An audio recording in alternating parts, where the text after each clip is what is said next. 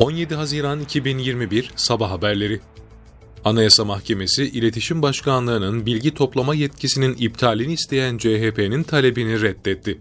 Başvuruyu inceleyen yüksek mahkeme bu yetkinin anayasaya aykırı olmadığına hükmederek açılan iptal davasının dayanaksız olduğuna üyelerinin büyük çoğunluğuyla karar verdi. Bu kararla Cumhurbaşkanlığı İletişim Başkanlığı'nın sahip olduğu yetkinin 83 milyonun kişisel verilerine ulaşma iddialarıyla hiçbir ilgisinin olmadığının teyit edildiği belirtildi.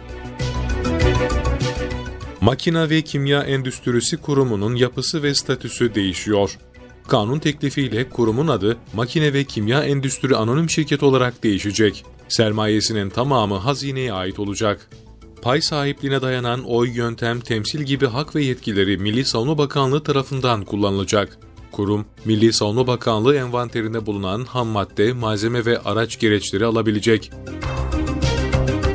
Türkiye'de dün 227.163 COVID-19 testi yapıldı. 6.022 kişinin 6.221 kişinin testi pozitif çıktı. 71 kişi hayatını kaybetti. Hasta sayısı ise 548 olarak kayıtlara geçti.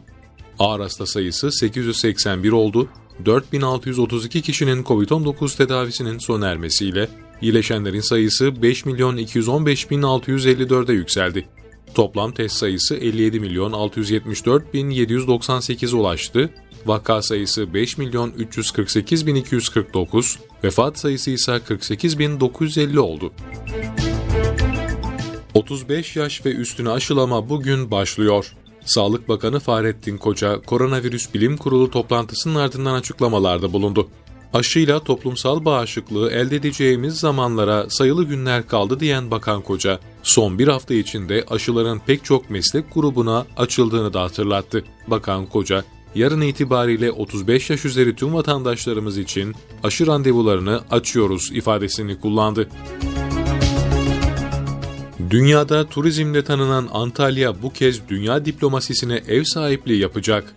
17-20 Haziran tarihleri arasında Güneydoğu Avrupa İşbirliği Süreci Devlet ve Hükümet Başkanları Zirvesi'nin yanı sıra Antalya Diplomasisi Forumu gerçekleştirilecek. Cumhurbaşkanı Recep Tayyip Erdoğan'ın himayesinde gerçekleşecek her iki zirveye de katılım yüksek olacak. 12 devlet ve hükümet başkanıyla 43 Dışişleri Bakanı'nın katılması bekleniyor. Yapılacak zirveler hem Türkiye'nin hem de Antalya'nın tanıtımına da katkı sağlayacak. Müsilaj tabakaları rüzgarın da etkisiyle tarihi Gelibolu Yarımadası kıyılarında yoğunlaştı. Çanakkale Boğazı'nın ortasındaki deniz salyaları akıntıyla sahillere vurdu. İskeleler ve barınaklardaki tekneler köpüklerin içinde kaldı. Müsilaj bazı bölgelerde su yüzeyinde beton görünümünü oluşturdu.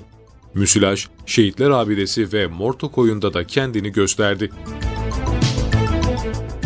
Kremlin, Cenevre'de gerçekleştirilen Putin ve Biden arasındaki görüşmenin ardından üzerinde uzlaşıya varılan ortak bildiri yayımladı.